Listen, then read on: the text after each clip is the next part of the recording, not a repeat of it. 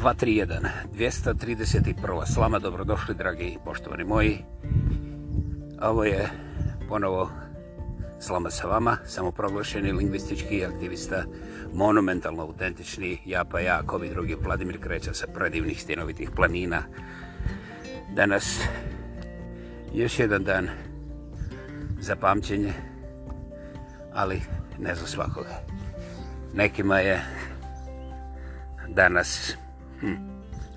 recimo neveselo pa da završimo na tome a ja ću započeti sa nečim što mi gotovo na stihove liči i što sam ja prije neki dan čak zapisao pa ostavio i da vidimo da li se mogu sjetiti. Ne silazim sa scene, tamo nisam ni bio, predivna svjetla. Nije da nisam htio, ali ne.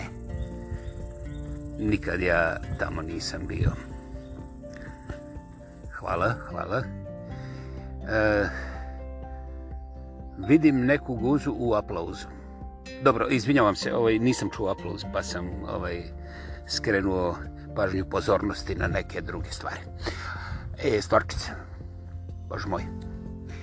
Znate, e, danas sam imao priliku da vidim kako karma polako stiže, gmiže, ali melje i to onako baš dušmanski, puno dušmanski nego što bih ja to mogao zamisliti. Naime, ja neću biti specifičan iz vrlo jednostavnog razloga. To naglašavam uvijek, pa ću i sada. Ehm, kada god mogu, izbjegavam konkretna imena, prezimena i institucije. Iz jednostavnog razloga što ja nisam njihov kritičar.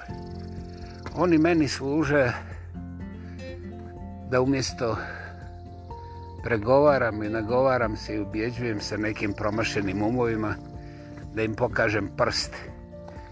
Znate, izvolite, pređite preko ovoga pješce pa ćemo nastaviti razgovarati. A ne da me neko ubjeđuje, ovo to je lako, znaš. Sve je lako, sve je lako, posebno ako nije teško. I ovaj, meni je sada na kraju života prilično jasno. I can see clearly now. To je naslov jedne knjige, da, I can see clearly now. Možete knjigu potražiti, ima je besplatno čak i na YouTube-u, da, dobro ste čuli. Naime, autor knjige, dr. Wayne W. Dyer, govori za public television i on je veći broj svojih vrhunskih knjiga, da, dobro ste čuli vrhunskih, znači ne nekih mediokar, Đanka Baranka ili tamo slično, dao potpuno besplatno.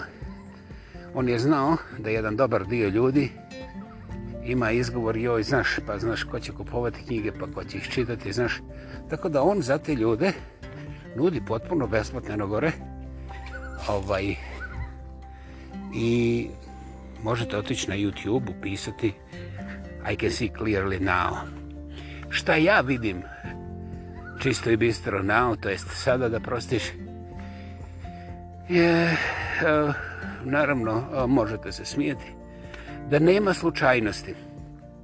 Znate, postoje razne teorije i, bože moj, postojeće ih i više, jer ljudi imaju bujnu maštu i svoje vlastite razloge koji mogu biti hu, ne samo šarenoliki, nego monumentalno raznoliki. I to zahvaljujem Bogu i univerzumu, jer da možemo iscrptiti taj svijet mogućnosti i varijabli, onda bi vjerovatno već blizu bili samoistrebljenja. Međutim, upravo taj detaljčić, meni je barem danas jasno, predstavlja izvor naše gotovo perpetualne egzistencije, ali ovi zadrti, mentalno, monumentalno ili samo momentalno, izaberite već koji stadi, oni se uporno trude da cijeli svijet stave u džep, tako što će otkriti formulu života i zlata i onda neće biti smrti i blata. Draga moja gospodo, vi ćete kroz mnogo smrti i mnogo blata naučiti se da bez upravo toga blata nema nikakvog zlata. Ovaj, I to nije uopće nikakav absurd, ali put do spoznaje, put do prihvatanja te spoznaje ja ne znam kako ga opisati i zato ga prepuštam. Jasno mi je zbog čega ratovi. Mada sam prije mislio ovako ili onako. Ono što je u mome oku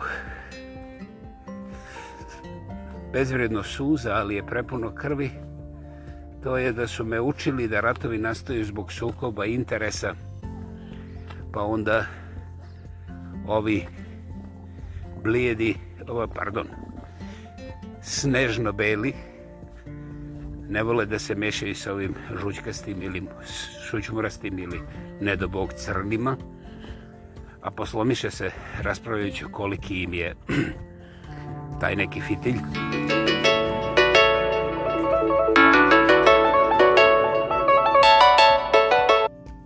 Dakle, teflon, opet teflon, napome teflon, eto šta ćeš, zovu popularan sam. I u cijeloj toj priči eh, mi eh, smo podijelili svijet na njihove i naše i onda imamo ratove koliko god hoćeš.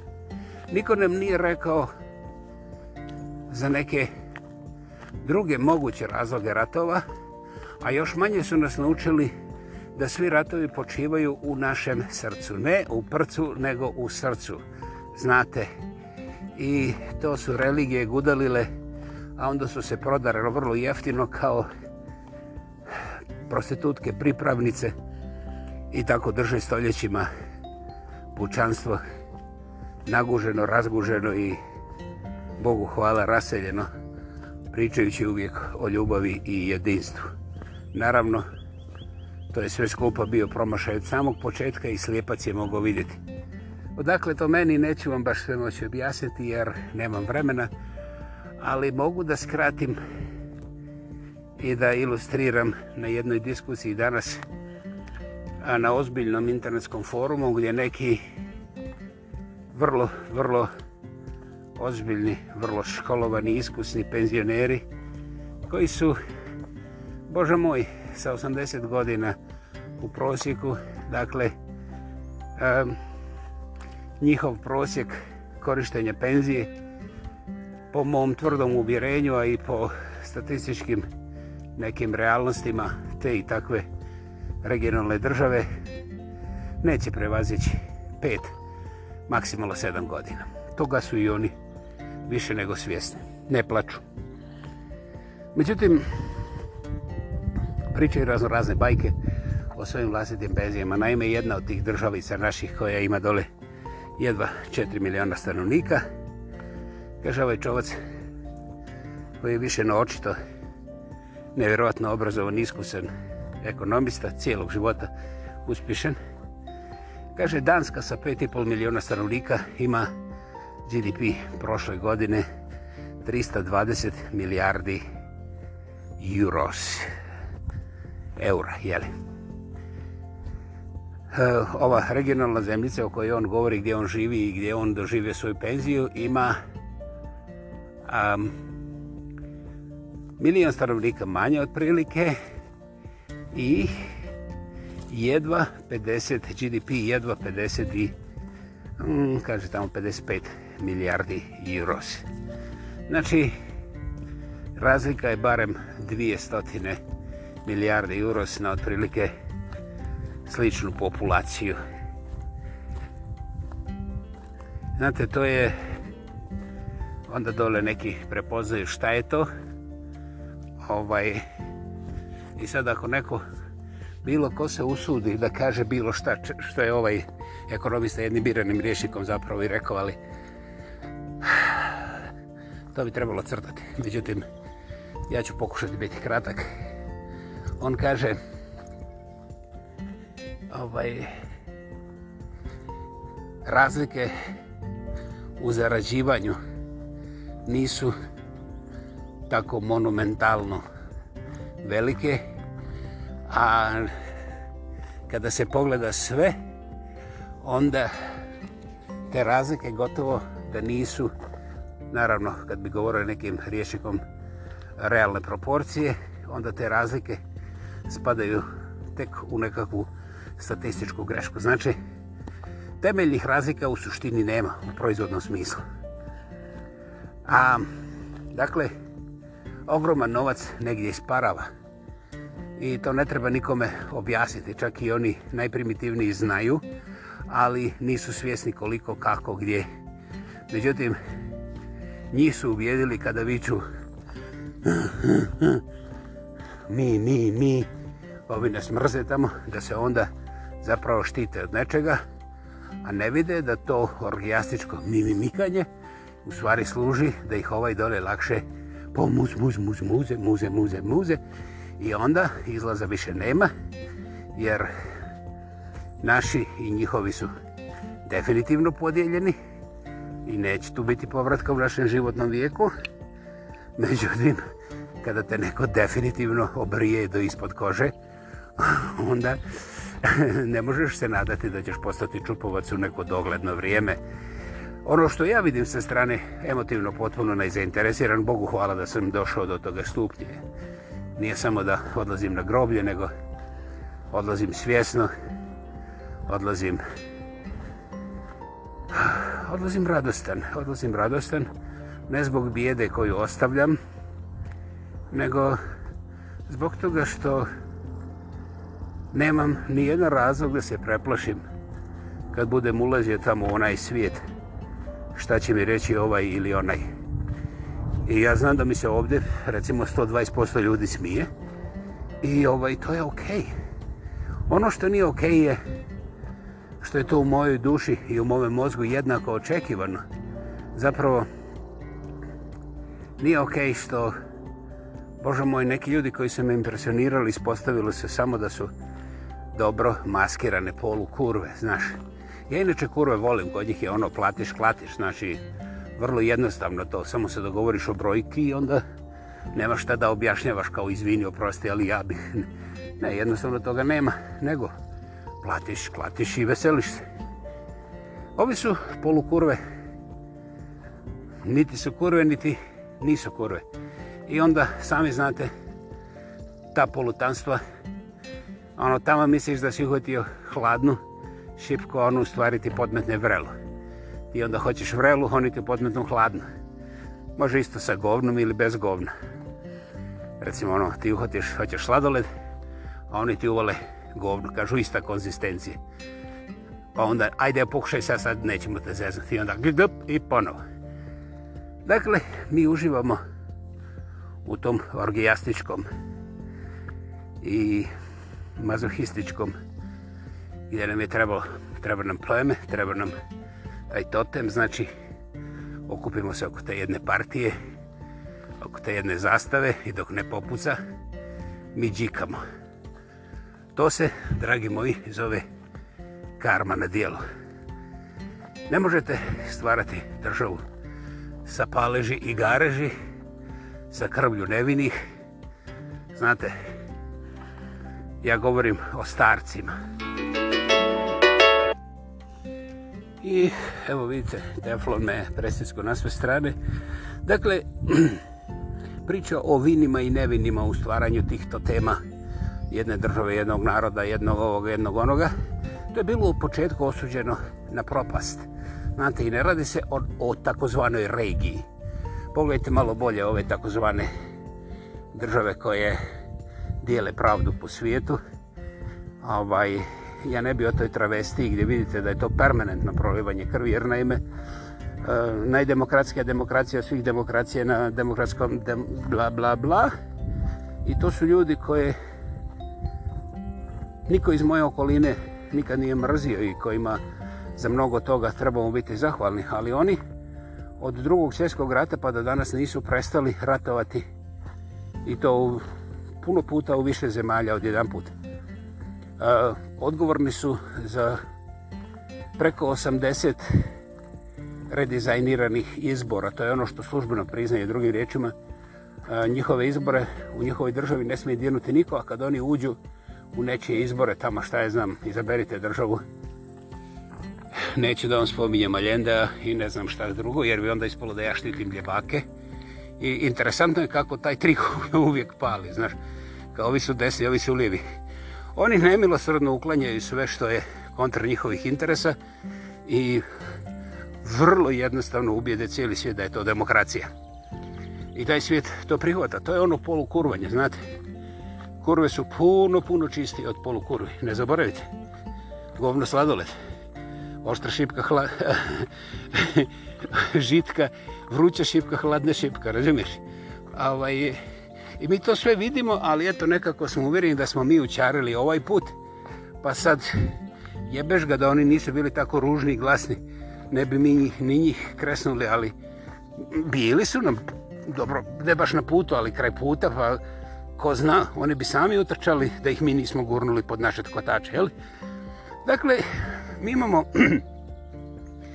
jedan problem koji nije problem, nego je ono uzgaja na devijantnost gdje mi sve one različite odmah vidimo kao protivnike, problem i otežavajuću okolnost za sve dobro u našim životima. Drugim riječima, mi ne priznajemo svoje kvalitete, dobro ste čuli, nego kada mi uklonimo ove ružne, glupe i, znaš, što jedu više od nas i sve tako redom, onda će naša djeca živjeti u raju gospodo, vi ste personalno poslali barem sto puta više svoje djece u pakao boreći se za raj koji nije imao šansu da postoji jer je đavolja podvala institucija koje vam predstavljaju Boga i demokraciju. Ja ovdje ne govorim o anarhiji. Ja ovdje govorim da ste prodali svoju guzu za mundirsku bluzu da ste pristali na računaljku u svojim vlastitim egzistencijama i to onu najbjedniju, a to je egoizam. I unutar toga čak ste potpuno iz, izblijedili svoju vlastitu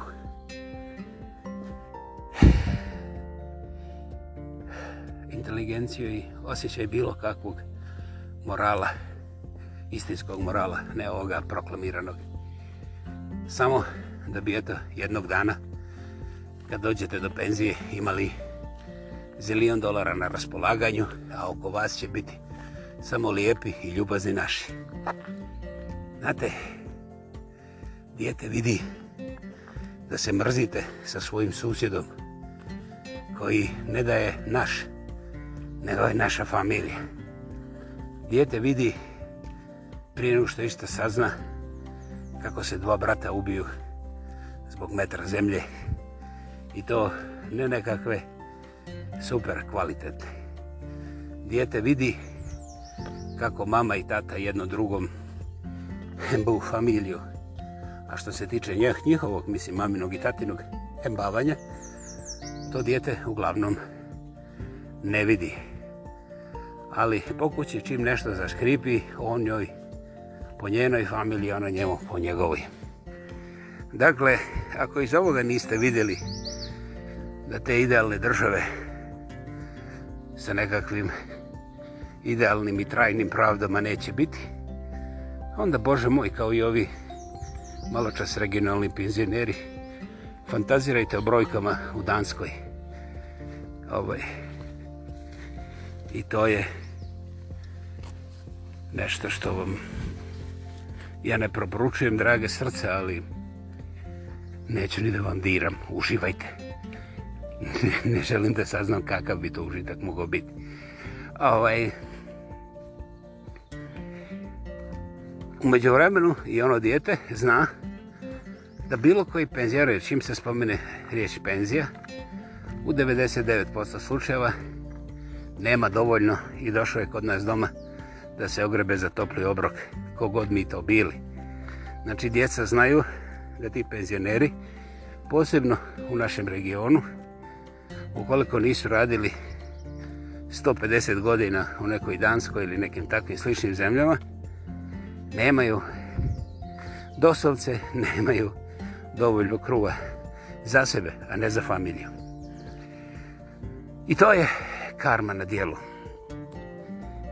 Znate, ponavljam što sam rekao ovdje milion puta, meni najdraže, to su rekli mnogi, to je staro barem 4000 godina, ali meni dragi doktor Dipak Čopra kaže ne postoji ni jedan dug u svemiru koji neće stići na potpunu naplatu.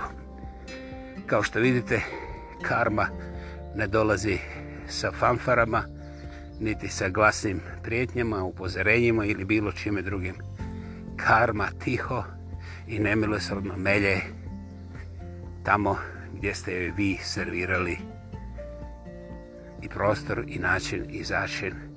Dakle, vrijeme je, vrijeme je da pokušate pogledati u svoja srca. To je neiscrpni izvor pametnog, pragmatičnog i permanentnog rješenja za puno životnih, ali i društvenih nesreća. U tome duhu ja završavam 231. slama sa vama. Ja pa jako bi drugi Vladimir Kreća sa predivnih stjenovitnih planina. Želim vam svako dobro, želim vam predivan dan i kao i uvijek prije, čujemo se prije nego što se vidimo. Ćao!